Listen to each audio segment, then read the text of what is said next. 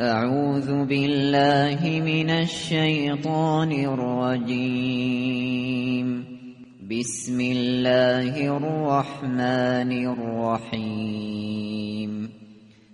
يا أيها الذين آمنوا لا تتخذوا عدوي وعدوكم أولياء تلقون إليهم تلقون إليهم بالمودة وقد كفروا بما جاءكم من الحق يخرجون الرسول وإياكم أن تؤمنوا بالله ربكم إن كنتم إن كنتم خرجتم جهادا في سبيلي وابتغاء مرضاتي تسرون إليهم بالمودة وأنا أعلم بما أخفيتم وما أعلنتم ومن يفعله منكم فقد ضل سواء السبيل.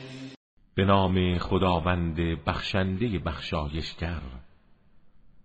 ای کسانی که ایمان آورده اید دشمن من و دشمن خودتان را دوست نگیرید. شما نسبت به آنان اظهار محبت می کنید در حالی که آنها به آنچه از حق برای شما آمده کافر شده اند. و رسول الله و شما را به خاطر ایمان به خداوندی که پروردگار همه شماست از شهر و دیارتان بیرون میرانند. اگر شما برای جهاد در راه من و جلب خوشنودیم هجرت کرده اید. شما مخفیانه با آنها رابطه دوستی برقرار می کنید در حالی که من به آنچه پنهان یا آشکار می‌سازید از همه داناترم. و هر کس از شما چون این کاری کند از راه راست گمراه شده است.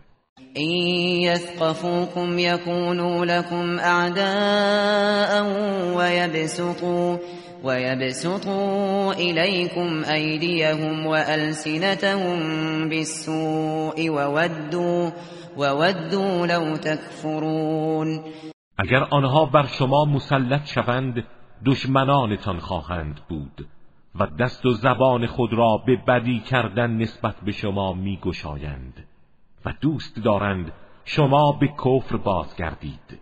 لن تنفعكم أرحامكم ولا أولادكم يوم القيامة يفصل بينكم والله بما تعملون بصير هرگز بستگان و فرزندانتان روز قیامت سودی به حالتان نخواهند داشت. میان شما جدایی می افکند و خداوند به آنچه انجام می دهید بیناست. قد كانت لكم أسوة حسنة في إبراهيم والذين معه إذ قالوا إذ قالوا لقومهم إنا براء منكم ومما ومما تعبدون من دون الله كفرنا بكم وبدا بيننا وبدا بيننا وبينكم العداوة والبغضاء أبدا حتى حتى تؤمنوا بالله وحده إلا قول إبراهيم لأبيه إلا قول إبراهيم لأبيه لأستغفرن لك وما أملك لك من الله من شيء. ربنا عليك توكلنا وإليك أنبنا وإليك المصير. برای شما سرمشق خوبی در زندگی ابراهیم و کسانی که با او بودند وجود داشت. در آن هنگامی که به قوم مشرک خود گفتند ما از شما و آنچه غیر از خدا می پرستید بیزاریم. ما نسبت به شما کافریم و میان ما و شما عداوت و دشمنی همیشگی آشکار شده است. تا آن زمان که به خدای یگانه ایمان بیاورید. جز آن سخن ابراهیم که به پدرش گفت که برای تو آمرزش طلب می کنم و در عین حال در برابر خداوند برای تو مالک چیزی نیستم.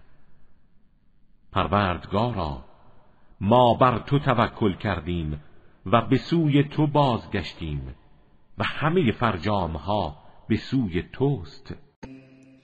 ربنا لا تجعلنا فتنة للذين كفروا واغفر لنا ربنا إنك أنت العزيز الحكيم. پروردگارا ما را مایه گمراهی کافران قرار مده و ما را ببخش ای پروردگار ما که تو عزیز و حکیمی. لقد كان لكم فيهم أسوة حسنة لمن كان يرجو الله واليوم الآخر. ومن يتول فإن الله هو الغني الحمید آری برای شما در زندگی آنها اسوه حسنه بود برای کسانی که امید به خدا و روز قیامت دارند. و هر کس سرپیچی کند به خیشتن ضرر زده است زیرا خداوند بینیاز و شایسته ستایش است. عسى الله ان يجعل بينكم وبين الذين عاديتم منهم موده والله قدیر والله غفور رحیم امید است خدا میان شما و کسانی از مشرکین که با شما دشمنی کردند از راه اسلام پیوند محبت برقرار کند. خداوند تواناست و خداوند آمرزنده و مهربان است.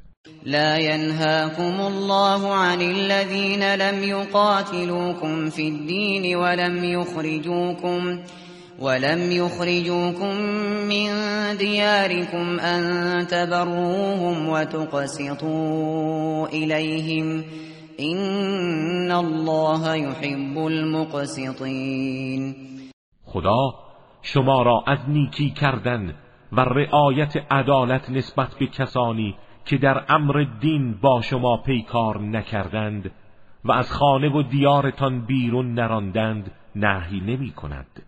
چرا که خداوند عدالت پیشگان را دوست دارد. انما ينهاكم الله عن الذين قاتلوكم في الدين واخرجوكم واخرجوكم من دياركم وظاهروا على اخراجكم ان تولوهم ومن يتولهم فاولئك هم الظالمون. شما را تنها از دوستی و رابطه با کسانی نهی می کند که در امر دین با شما پیکار کردند و شما را از خانه هایتان بیرون راندند. یا به بیرون راندن شما کمک کردند و هر کس با آنان رابطه دوستی داشته باشد ظالم و ستمگر است. يا أيها الذين آمنوا إذا جاءكم المؤمنات مهاجرات فامتحنوهن الله أعلم بإيمانهن. فإن علمتموهن مؤمنات فلا ترجعوهن إلى الكفار. لا هن حل لهم ولا هم يحلون لهن. وآتوهم ما أنفقوا. ولا جناح عليكم أن تنكحوهن إذا إذا آتيتموهن أجورهن ولا تمسكوا بعصم الكوافر واسألوا ما أنفقتم وليسألوا ما أنفقوا ذلكم حكم الله يحكم بينكم والله علیم حکیم ای کسانی که ایمان آورده اید هنگامی که زنان با ایمان به عنوان هجرت نزد شما آیند آنها را آزمایش کنید.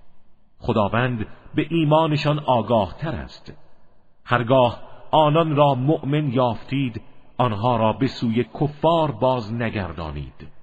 نه آنها برای کفار حلالند و نه کفار برای آنها حلال. و آنچه را همسران آنها برای ازدواج با این زنان پرداخته اند به آنان بپردازید. و گناهی بر شما نیست که با آنها ازدواج کنید. هرگاه مهرشان را به آنان بدهید.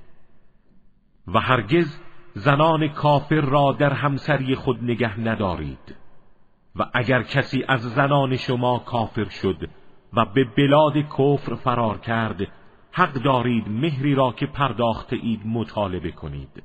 همان گونه که آنها حق دارند مهر زنانشان را که از آنان جدا شده اند از شما مطالبه کنند. این حکم خداوند است که در میان شما حکم می کند و خداوند دانا و حکیم است.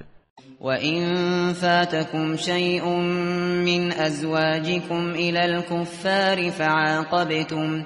فعاقبتم فآتوا الذين ذهبت أزواجهم مثل ما أنفقوا واتقوا الله الذي أنتم به مؤمنون. و اگر بعضی از همسران شما از دستتان بروند و به سوی کفار بازگردند و شما در جنگی بر آنان پیروز شدید و غنایمی گرفتید به کسانی که همسرانشان رفته اند همانند مهری را که پرداخته اند بدهید. و از مخالفت خداوندی که همه به او ایمان دارید بپرهیزید. يا أيها النبي إذا جاءك المؤمنات يبايعنك على يبايعنك على ألا يشركن بالله شيئا ولا يسرقن ولا يزنين. ولا يسرقن ولا يزنين ولا يقتلن أولادهن ولا يأتين. ولا يأتين ببهتان يفترينه بين أيديهن وأرجلهن ولا يعصينك. ولا يعصينك في معروف فبايعهن واستغفر لهن الله إن الله غفور رحیم ای پیامبر هنگامی که زنان مؤمن نزد تو آیند تا با تو بیعت کنند که چیزی را شریک خدا قرار ندهند. دزدی و زنا نکنند. فرزندان خود را نکشند. تهمت و افتراعی پیش دست و پای خود نیاورند و در هیچ کار شایسته ای مخالفت فرمان تو نکنند با آنها بیعت کن و برای آنان از درگاه خداوند آمرزش بطلب که خداوند آمرزنده و مهربان است. يا أيها الذين آمنوا لا تتولوا قوما غضب الله عليهم قوما غضب الله عليهم قد يئسوا من الآخرة كما يئس الكفار كما يئس الكفار من اصحاب القبور. ای کسانی که ایمان آورده اید با قومی که خداوند آنان را مورد غضب قرار داده دوستی نکنید. آنان از آخرت معیوسند همان گونه که کفار مدفون در قبرها معیوس می باشند